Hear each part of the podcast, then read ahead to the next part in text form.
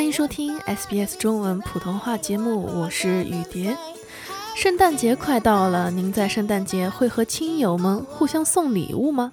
设计师黄全义说，他非常讨厌过度消费和节日，和爱人之间从不互送圣诞礼物。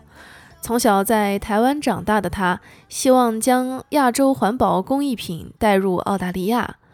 物尽其用是他最核心的生活和艺术理念。不论是给服饰打补丁，一用就是二十余年，还是在悉尼捡政府活动过后的物料用作设计，只使用植物废料和水来制作展台。新奇的可持续材料可以如何被使用？悉尼作为一座城市，有哪些特殊废料？东亚文化与消费主义陷阱在他眼里又是怎么样的？一起来听听他的分享。我是马哥，我是台湾人啊，我是工业设计系毕业的，但是我十五就是过去这十五年是做了很多不同设计相关的作品，就是室内空间、平面，然后还有自创品牌，然后现在就是无业游民，就是做一些展览，然后支持其他的艺术家跟设计师这样子。嗯，那今天我们在这里邀请到马哥，你也是因为最近你举行了一次展览，可以给我们介绍一下这个展览吗？这次展览的话，就是介绍一个日本的陶艺家，我自己非常喜欢的一个陶艺家。然后他是用就是收集不同的土，就是从日本的各地，然后自己找土，然后做的呃创作。那他呃创作的元素就是用很多植物的，就是比方说他从枯枝树叶这样子的东西来做图腾。然后我就觉得非常有趣，就是他就是用身边所有的素材来做展览。就是做他的作品，然后我就想说，那展览的空间的话，也要呼应他作品的的调性，所以我们就是用就是完全植物纤维的榻榻米，然后它里面也是啊蔺草跟椰子壳，然后桌角的部分我们就是请到就是跟一个啊澳洲的算是新创公司吧，他们就是用啊废弃的植物纤维还有报纸做成桌角，就是 3D 的的。一个 objects 这样子来展览，这次就是想带给大家一个不一样的小小的展览，这样子。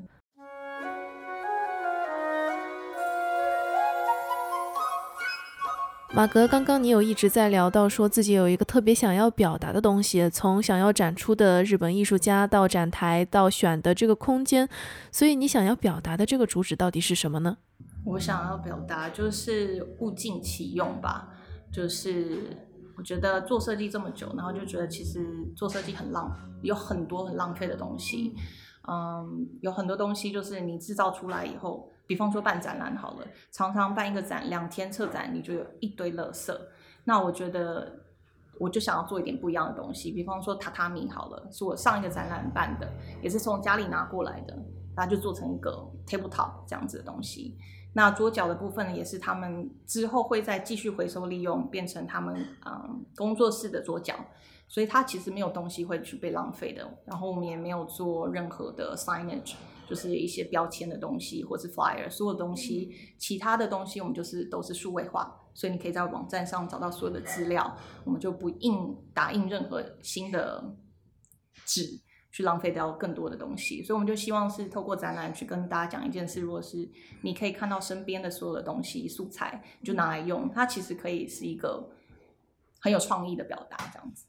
嗯，那马哥，今天我们特地来到这个展览的现场，也发现了一个很用心的细节，就是你用来展出的这个展台是用植物废料和水制成的，是吗？对对，所以它的桌角本身就是用大麻纤维，也是废弃的大麻纤维跟旧报纸跟水，它里面没有任何的 binding agent，我不知道怎么讲，就是没有任何的化学的材料去去把它交合在一起，是他们用新的技术去做的，所以我就觉得哎很特别的，而且他们其实也还没有到市面上让大家看到，所以我们就觉得那合作一次可以趁这次机会介绍给大家。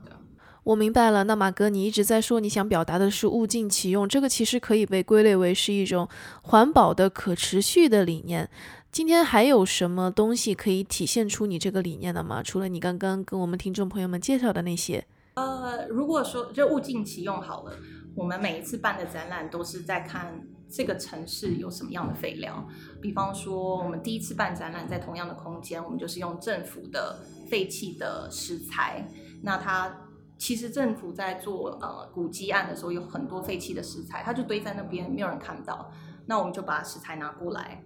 然后当做展台。那展览结束的时候，我们就跟就是这边的 neighborhood 说，哎，我们有这样的食材，你要不要拿去用？可能做作为阳台的一个展台啊，或是艺术家作为雕刻。那展后以后，我们就是所有东西都被回收了，都被重新的嗯在 upcycle，就是再次的使用。然后对我们来说，这样就是物尽其用。其实它是一个很好的材料，只是很多人都没有去仔细的看。然后再来另外一个材料就是竹子，竹子我们也是上一次呃雪梨设计师周展的时候，我们就是跟竹艺家合作。竹子的韧性是很强的，你不需要钻，也不需要去做任何的加工，你就是用绑的。所以你做一次展览，你把它绑成一个架构，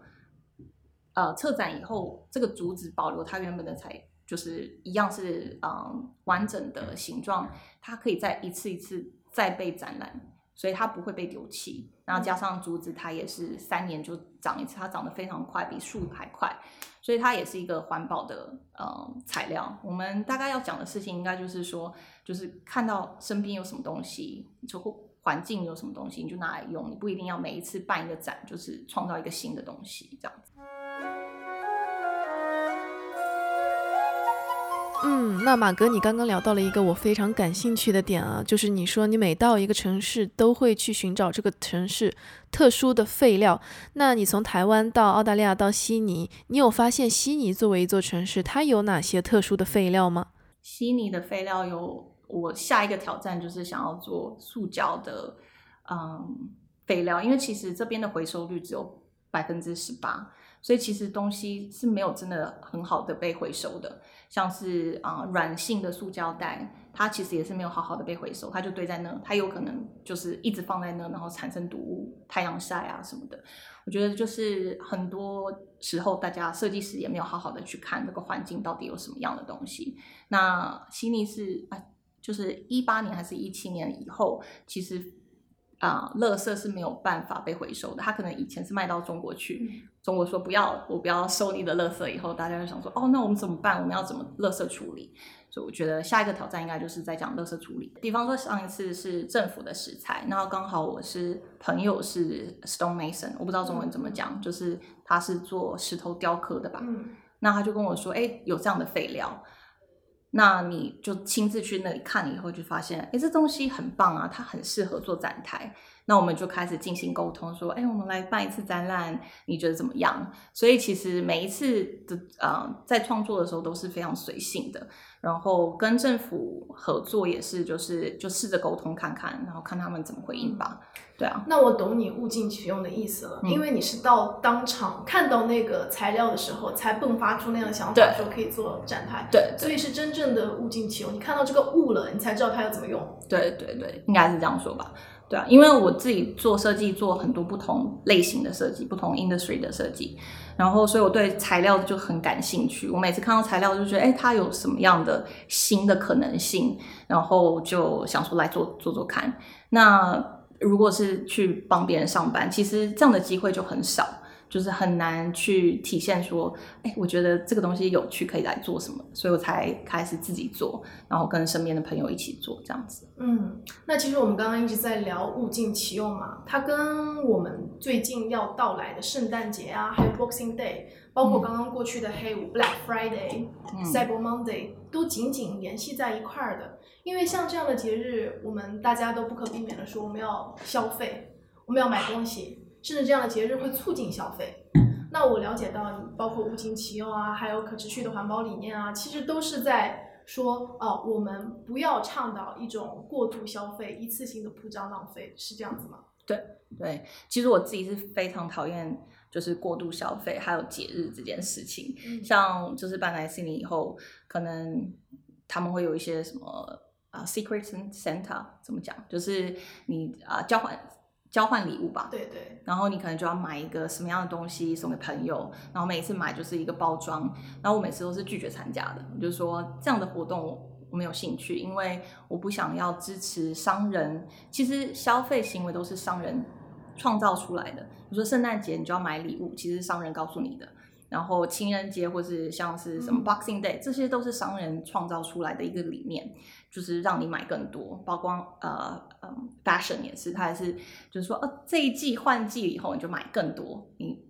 所以我其实是很反对这样的消费行为的。然后，哦，你刚刚问题是什么？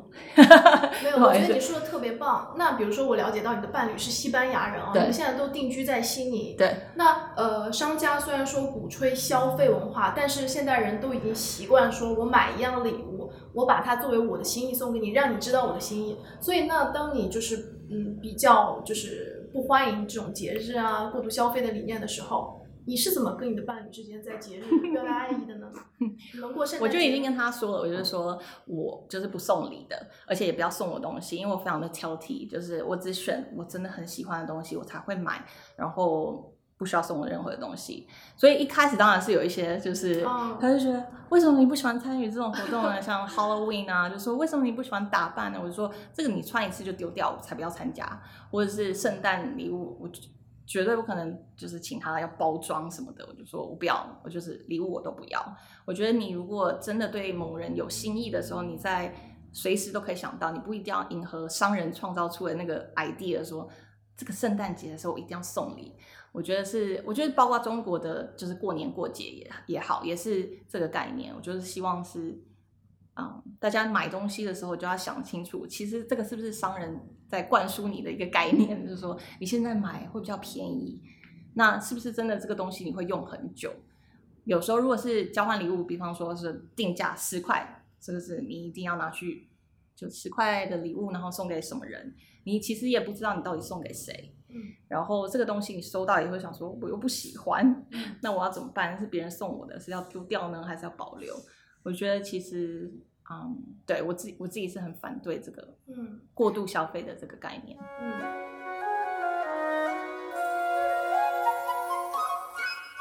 那你像，其实你也出生在东亚，你觉得东亚的消费主义文化或者说物质主义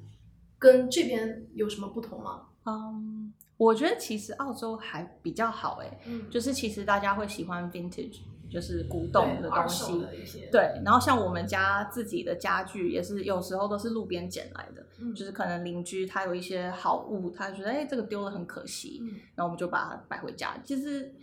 我觉得是我很欣赏的一个概念，就是说你这个东西我不用了，留给邻居用。然后像这样，我们家有点像拾荒一样。然后我跟台湾的朋友说，哎，这个是我在哪里捡的？他就说你不要再拾荒了，好不好？然后我就说这。我很喜欢啊，这是古董这样子。嗯，所以你从小其实就有现在你在切身的身体力行实践的理念嘞，所以你其实没有陷入过所谓的消费主义陷阱，是吗？我觉得没有哎，我觉得就是很讨厌浪费。从小就这样。我觉得年轻的时候一定会有一个就是想要有冲动想要买嘛。对。但是。我其实当时候的想法就是我要买一个好一点的，但是我会穿很久，所以我其实有很多衣服到现在还在穿，可能二十多岁，而且我会 就是跟你讲一件很好笑的事，就是我的衣服可能穿太久它还是会破嘛，所以就是手肘。的部分就破掉，或是屁股的部分就破掉，那我就去找了那个 tailor 去说，哎，你帮我修好不好？他就说，哎呀，台湾姑娘不要这么节俭好不好？还不愿意帮我修，但是我就说，我拜托你，我会付钱给你，但是你帮我把衣服修好，因为我不想把东西丢掉。对，所以好像一直以来就是这种节俭的一个想法吧。那你衣柜里面穿过最久的一件衣服，是你几岁时候买的？是一件什么样的衣服呢？像我今天背的背包就是大概有二十二年吧，而且他买的时候就是二手了，所以我不知道它有多久，就是到现在还在背。我今天也背它，对，就是衣服有一些就是很年轻的时候，可能二十出头的时候买的，我到现在都还在穿，而且我觉得我还会继续穿下去，只要它不破。嗯，那你真的是从你生活的方方面面，已经不光是你的作品的展览了，就是身体力行的在实践你的物尽其用的这个概念。希望吧，对啊，就是对，可能个性吧，就是喜欢不喜欢看到浪费，然后做设计的时候就会觉得很痛苦，因为一定会有很多浪费的嗯行为，就是在创业的黑暗面，就是其实它有很多很多垃圾，这件事一直是我很苦恼的事情，所以就开始没有太多的去设计新的东西了。嗯，那其实你小时候也聊到过，你会喜欢拾荒嘛？那其实我注意到，在澳洲，呃，比如说每个社区啊，它隔一段时间会说，呃，政府倡导你把不要的东西拿出来放在路边，然后我们进行一个回收。那其实会出现一种就是所谓的捡垃圾文化，就有一些人他会觉得，哎，我开车路过路边，发现一个比如说沙发、一个桌子不错，我就是那个，我就是会去捡的。你也会做这样的事？家里大部分很多东西都是捡来的，然后。但是你可以看到这些东西会被丢在路边，一般会再被捡回去用。它都是古董，它都是一些材料很好的东西，我就觉得可以用啊，为什么不用？而且主要是美感吧，只要你知道怎么搭，其实它可以搭出很有味道的感觉。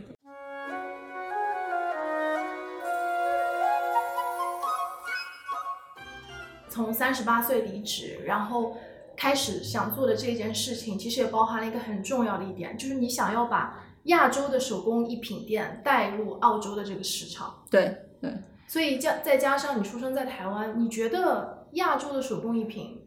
对你来说是一个什么样的存在呢？你想要在澳洲推广的话，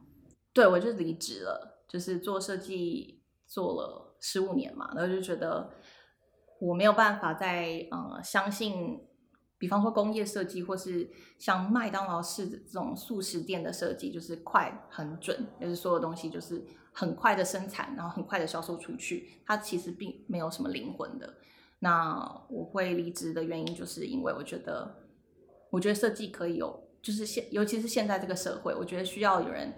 慢下来做设计。我觉得亚洲的一个精神，就是习物这个精神，是我觉得很想要去。跟西方人聊的，因为我自己念的是工业设计，工业设计就是西方人的一个概念，把一个东西用工业化的角度去制造、生产、大量制造。我自己念工业设计，但是我不相信这一套，因为其实如果你看中国的以前中国的文化好了，它东西就是做出来一件手工艺师傅去雕刻的。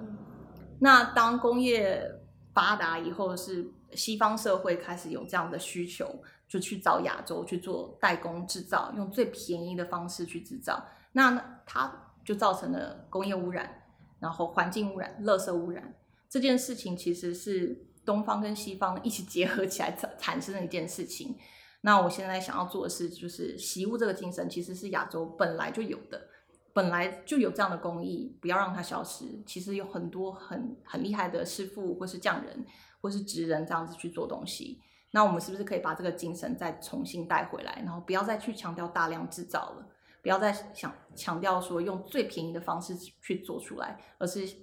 强调说用什么样的好的方式可以让这个东西保存的越久越好。